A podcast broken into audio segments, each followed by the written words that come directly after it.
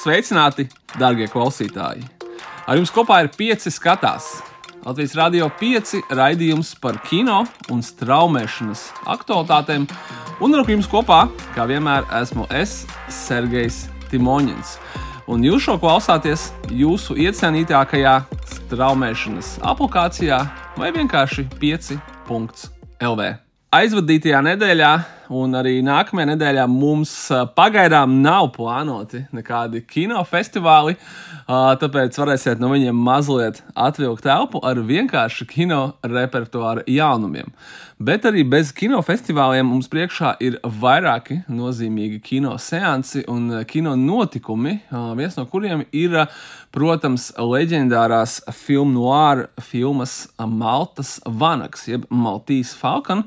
Īpašais sēns kopā ar kino zinātnieci Ditu Rietumu uz to aicina no Svētdienas 29. oktobrī kinoteātrī Forum Cinemas. Šī filma tiek pamatoti uzskatīta par uh, vienu no visu laiku zināmākajām uh, filmu noir film, uh, žanra filmām. Uh, iespējams, kādam tā ir arī numur viens filma šajā žanrā, kā piemēram kino zinātniece Dita Rietumai. Tāpēc uh, viņa ir ievadījusi šo īpašo restaurētās filmas versijas seansu kur tad varēsiet redzēt uz lielā ekrāna Hemfriju Bogartu un varbūt beidzot arī uzzināt, kas tas uh, Maltas vanaks tāds īsti ir, par kuru ir tik daudz dzirdēts uh, saistībā ar kino vēsturi, ar uh, filmu no ārā žanru, bet varbūt līdz šim tā arī nav redzēts. Un vēl viens interesants pasākums, kuru aicinātu jūs nosvinēt, tā skaitā arī kinoteātrī, ir Halloween. Halloween svētki 31. oktobrī tiek svinēti visā pasaulē. Manuprāt, Latvijā viņi varbūt tā līdz galam nav vēl iedzīvojušies, lai gan uh, gan uh, sabiedrība, gan varbūt dažādi zīmoli uh, un akcijas. Un tagad arī kinoteātris mūs aktīvi aicina šos svētkus svinēt. Nu, tad arī svinēsim, jo tieši 31. oktobra vakarā uh, Rīgas kinoteātros būs skatāmas tādas klasiskās šausmu filmas, kā piemēram uh, Brēmas Stokera Drakula. 1992. gada režisora Francisa Forda Kopolas uh, Kopo atcerēsimies, mums ir dāvājis Krustēva triloģiju un arī daudzas citas filmas. Savulaik ārkārtīgi pretrunīgi uztvertā ekranizācija, kura nu jau 30 gadus vēlāk ir kļuvusi par mūsdienu kino klasiku. Gerijs Oldmans, Keanu Reeves, Vinona Raidere, Antonijs Hopkins, Toms Veits, mūziķis, protams, un daudzi citi mūsdienās ļoti zināmi un iemīļoti aktieri šajā ārkārtīgi romantiskajā un ļoti groteski um, sapņainis skaistajā, ja tā var teikt, filmai ir, filmai ir ārkārtīgi neparasts uh, vizuālais šis ten, uh, tēls un, un izskats un kā tas viss ir uztaisīts. Un, Jā, ārkārtīgi iesaku, ja nav redzēta filmas restaurētā versija 31. oktobrī un arī dažos citos seansos vēlāk. Bet savulaik tādas filmas kā Gremlini, skatītāju iemīļotā, es teiktu, bērnu šausmu filma, var skatīties pieaugušie, var skatīties bērni, var skatīties kopā. No krēslas līdz rītausmai radījums un pat pirmā šausmanīta, jeb scary movie, gaidīs jūs īpašajā Halloween pasākumā kinoteātrī Forums Cinemas. Tā, uh, skatieties ļoti daudz dažādu Halloween piedāvājumu kinoteātros, kuri šogad, acīm redzot, ir apņēmušies Latvijā šos svētkus padarīt par īstiem kinosvētkiem vai arī svētkiem kino faniem, kas vēlas noskatīties uh, vai nu sen redzētu klasiku, vai nu arī kādas jaunas filmas īpašos Halloween kino maratonos. Bet nešaubos, ka daudziem no jums Halloween vakara filma būs piecas naktis pie Fredija, jeb uh, Five Nights at Freddy's, jeb kā daudzi pazīst arī kā saīsinājumu FNAF uh, kulta video spēles uh, sērijas ekranizācija Latvijas un arī pasaules kinoteātros nonāk jau šo piekdienu, 27. oktobrī. Uh, bet ir skaidrs, ka tieši uh, vakars un vispār tāds uh, šausmu sezona ir tas, kāpēc šī filma iznāk tieši tagad. Tie, kas nezina, uh, kas ir piecas naktis pie Fredija, varbūt uh, varētu būt arī pārsteigti par milzīgo fenomenu, kuru šī filma uh, ir uh, sacēlusi vai izveidojusi ap sevi.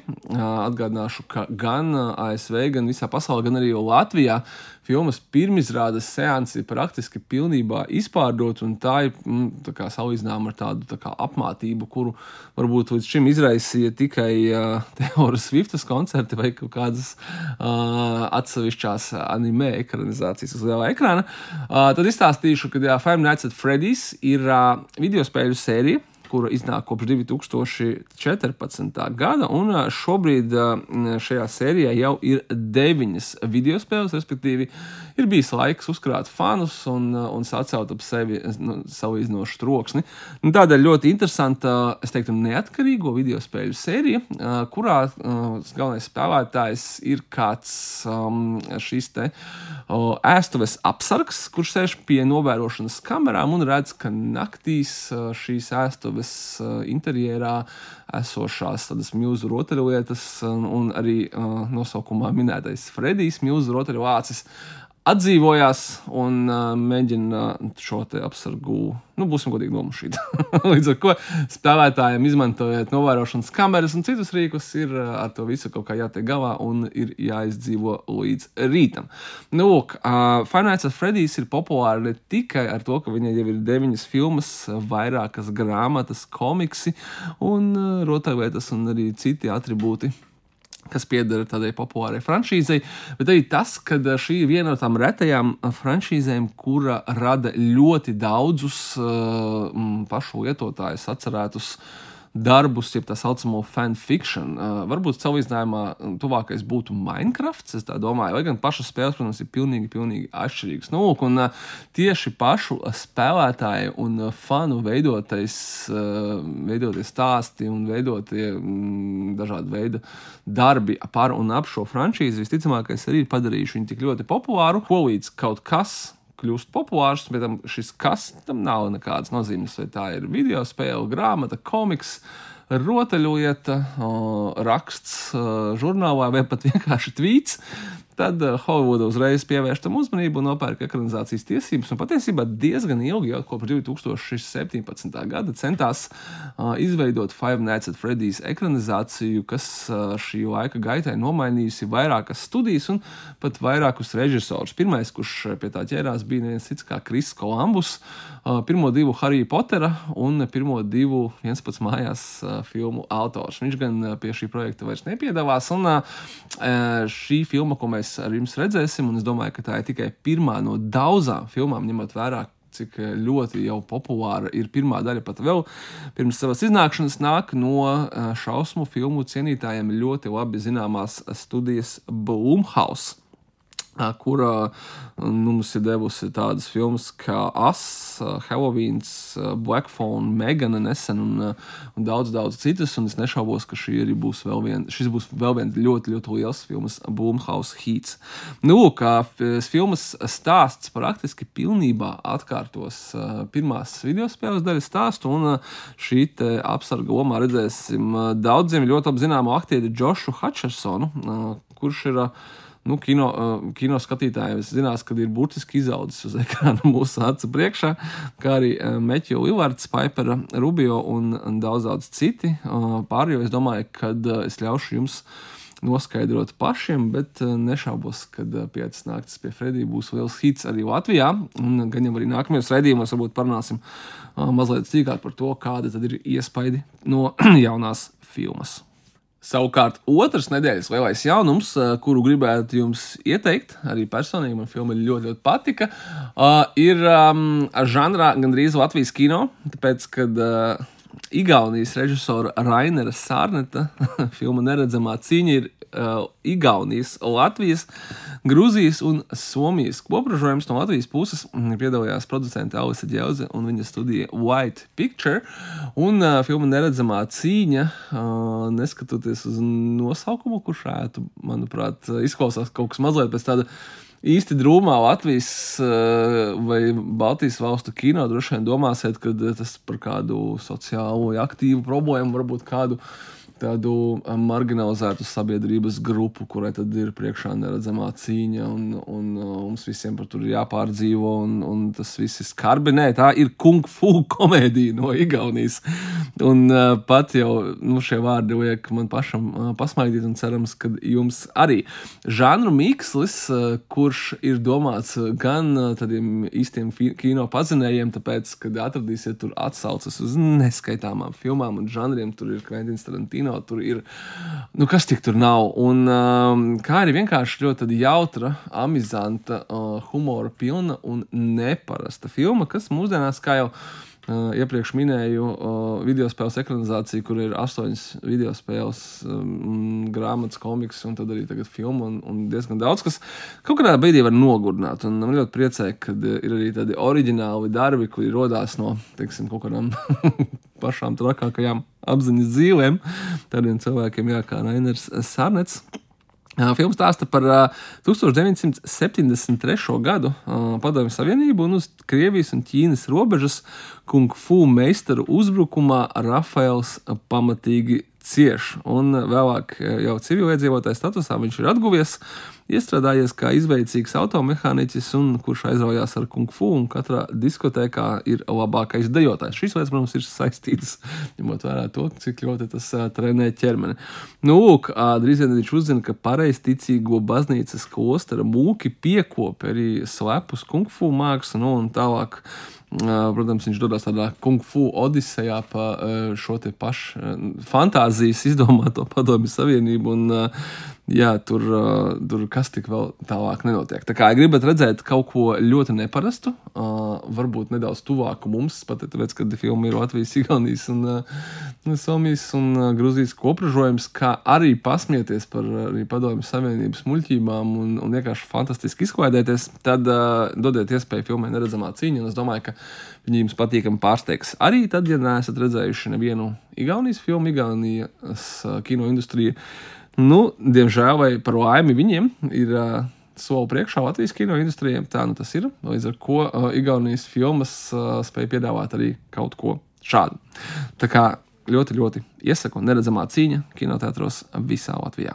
Savukārt, franču kino cienītājiem, kuri iespējams vēl nav uh, paspējuši noskatīties režisora Frančiska Ozona jaunāko filmu, uh, viņa, manuprāt, bija vienā no šī rudens uh, vietējiem kinofestivāliem, tad uh, droši dodamies uz uh, kinoteātri, kurā tiek demonstrēts mans noziegums. Šī, uh, nu jau jā, jāsaka, dzīvā franču klasiķa, jaunākais darbs komēdijas žanrā, šoreiz mazliet vieglāka filma nekā līdz šim varbūt Frančiskā Ozonam.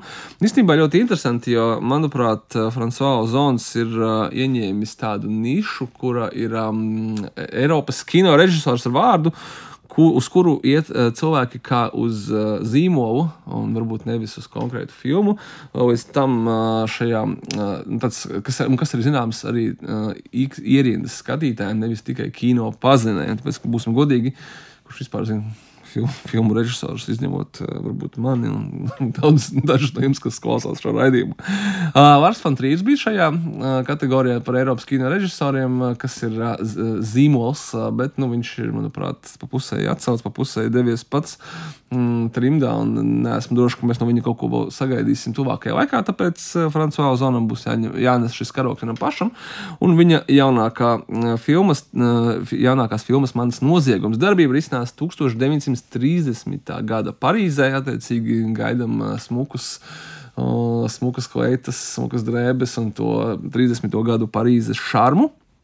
Un uh, slavena aktrise Madlēna Verģie tiek apsūdzēta nemazāk slavena producenta slepkavībā, jeb uh, Frančiskais Zons ir ķēries klāt žanram kino par to, kā top kino. Nu, lūk, un labāk, ar labākās draudzenes palīdzību viņa pierāda, ka darījusi šo slepkavību pašaizsardzības nolūkos un tiek attaisnota. Bet, protams, ne viss, ne viss ir tik vienkārši.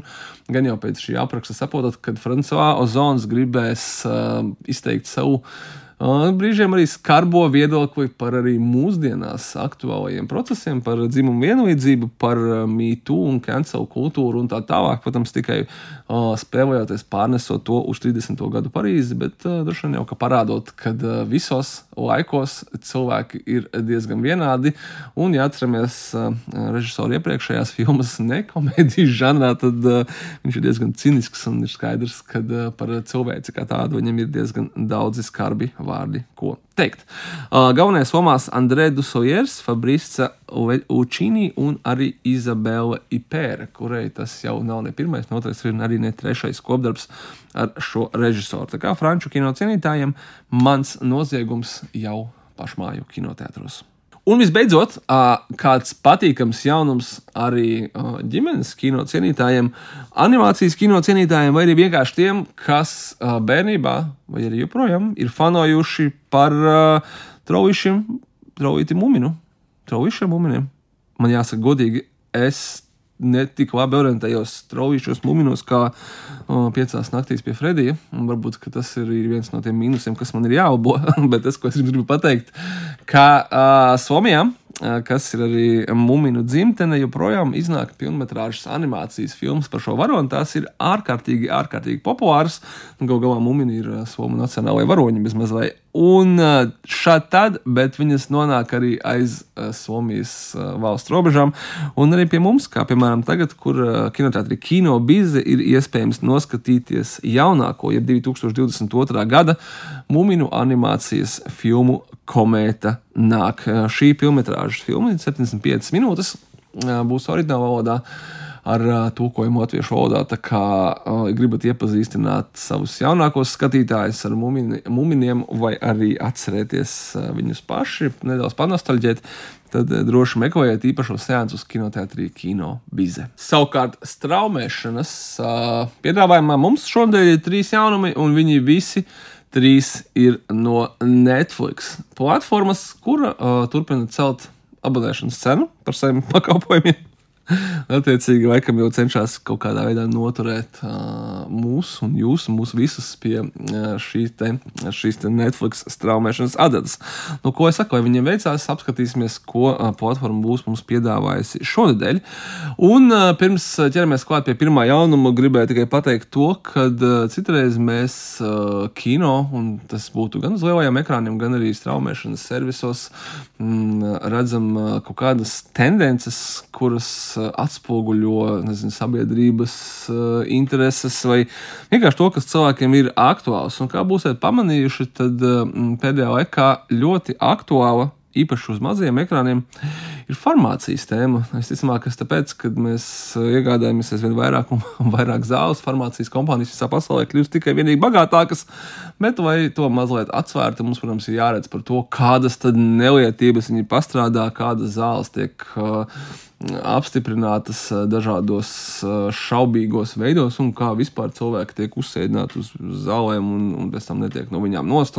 Cik tas viss ir briesmīgi, un tas ir tik ļoti, ļoti briesmīgi, ka no tā sāk sāpēt galva un ir jāiedzer kādas pretsāpju zāles. Un, un tā tas viss diemžēl, laikam, arī uh, griežās pasaulē. Uh, tas ir viss ievads tam, ka uh, viens no lielākajiem šī gada Netflix jaunumiem ir režisora Davida Jeitsa filma Pain Hustlers kas reiz stāsta par šo farmācijas tēmu. Ja atcerēsimies, tad pirms neilga laika mums bija gan uh, seriāli Dopsik, tas gan bija citā platformā Hulu, kur viņš ir skatāms, gan arī pašā Netflixā ja bija seriāls Painkiller ar Metju Broderiku galvenajā lomā, arī stāstīja par farmācijas tēmu un par to, kā tad, farmācijas kompānijas rīkojās. Šajā gadījumā filma Pain Hustlers, viņa novērsīs fokusu mazliet uz citur, un tā skatās uz pagātni, piemēram, un pastāstīs par diviem apķērīgiem darboņiem, kuru lomās ir nu, absolūtās Hovudas superzvaigznes Kris Evans, gan daudziem pazīstams kā Kapteinis Amerika, un arī Emīlija Blanta. Daudziem pazīstama pēc tādām filmām kā Jungle Cruise vai Quiet Place. Nu, lūk, un viņi jā, atveido kādu pāri, kurš ļoti ātri kļūst bagāts, veicot dažāda veida afēras tieši ar zālēm, medikamentiem un pārdodot viņas cilvēkiem un, un izveidojot beigu beigās veselu piramīdas tīklu, kurš tirgo šīs vienmēr licencētās un noteikti ne organismu veselīgās zāles. Pagājušā gadsimta 70. gados ASV Filma ir balstīta uz tāda paša nosaukuma grāmatas, līdz ar to grāmata, protams, populāra, un tad Netflix saprot, ka jātaisa arī filmu. Bet režisors Davids Yates, daudziem no jums pazīstams kā vismaz, jāsaka, viens, divi, trīs, četru Harry Potter filmu autors. Līdz ar to ir ļoti, ļoti vērā ņemams režisors. Un arī šī filma ir paspējusi izceļoties jau pa pasaulē par, pa visiem rudens festivāliem, tā skaitā arī, piemēram, Toronto kinofestivālu. Un beidzot varēsim noskatīties arī to pašu. Es domāju, ka ņemot vērā šīs tēmas popularitāti, gan Netflix platformā, gan arī citās tā nebūtu nav pēdējā farmācijas filma vai seriāls, kuru mēs tuvākajā laikā varēsim sagaidīt. Vēl viens Netflix jaunums, kuru mēs uh, aizmirsām pieminēt pagājušajā raidījumā. Mums bija daudz filmu toreiz, mums daudz filmu arī tagad. Ir uh, Netflix komēdija Old Dads no režisora un arī komiķa Bila Bēra. Uh, ļoti interesanti, ka šī ir uh, Bila Bēra režijas debija. Viņš ir pazīstams gan kā aktieris, gan kā producents, gan arī visvairāk kā stand-up komiķis. Un ticu, ka tie no jums, kas uh, aizraujās ar stand-up komiķiem un viņu darbību un skatās dažādu veidu speciālus, gan tajā pašā Netflix platformā, gan arī citus, citur tiem Bila Bēra vārds ir ļoti labi pazīstams, jo, būsim godīgi, šis komiķis ir ļoti, ļoti skandalols, vienmēr izceļās ar tādiem asākiem jokiem. Viņam viņš bija iekojies arī diezgan daudzos dažādos skandālos pēdējā laikā.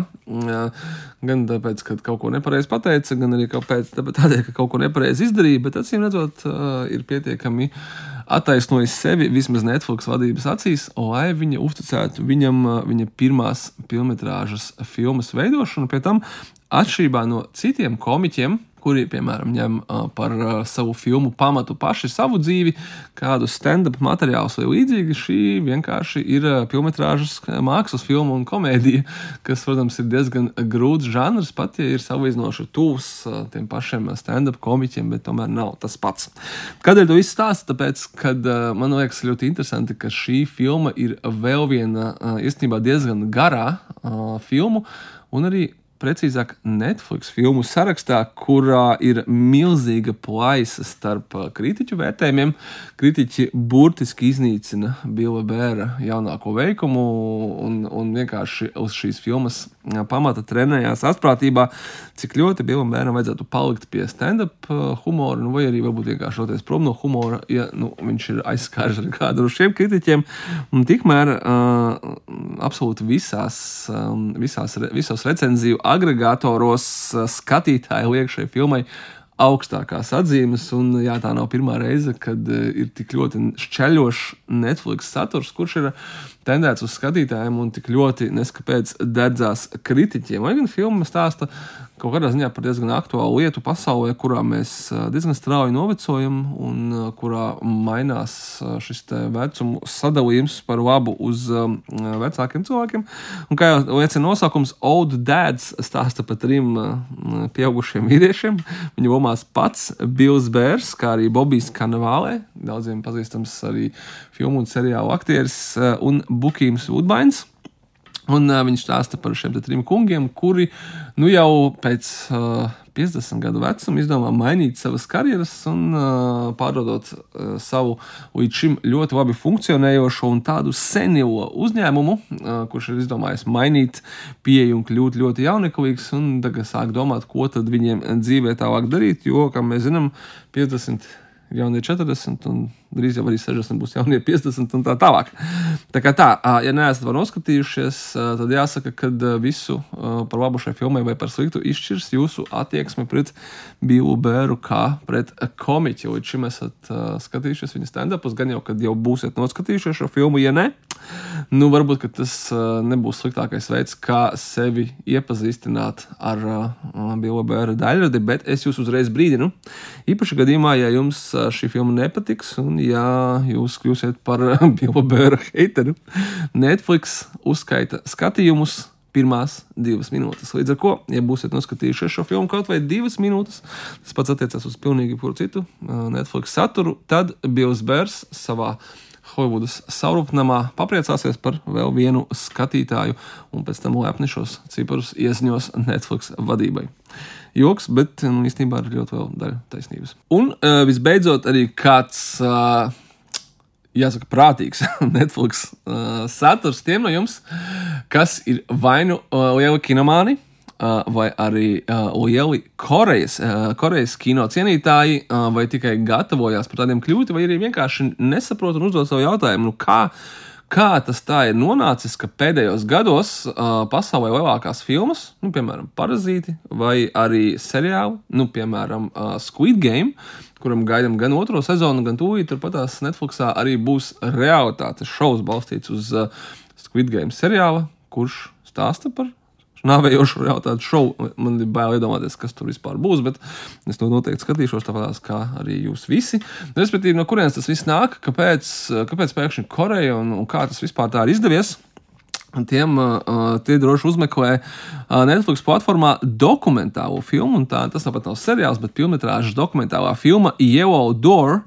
Jeb dzeltenās durvis, uh, 90s Lo-Fi Film Club, kas stāsta par to, uh, kā mūsdienās populārākie uh, Korejas uh, filmu veidotāji, tā skaitā arī uh, Bonds Jones Hu, jeb parazīta uh, veidotājs, kā viņi sākuši savu karjeru, uh, no kurienes viņi smēlušies iedvesmu, un patiesībā uh, jūs tur uzzināsiet, kad uh, iespējams uh, daudzu Korejas filmu veidotāju uh, pagātne un izcelsme un iedvesmes avoti ne ar ko baigi arī neatšķirās no Latvijas filmu veidotāju vai Latvijas filmu skatītāju bērnības, jaunatnes un iedvesmas avotiem. Arī viņi smēlās iedvesmu video kasešu nomās, video salonos, aktīvi mainoties ar filmām, ar domu biedriem, dibinot domu biedru klubus, filmu skatīšanās klubus un pulcējot ap sevi citus interesantus un attiecīgi no šī te.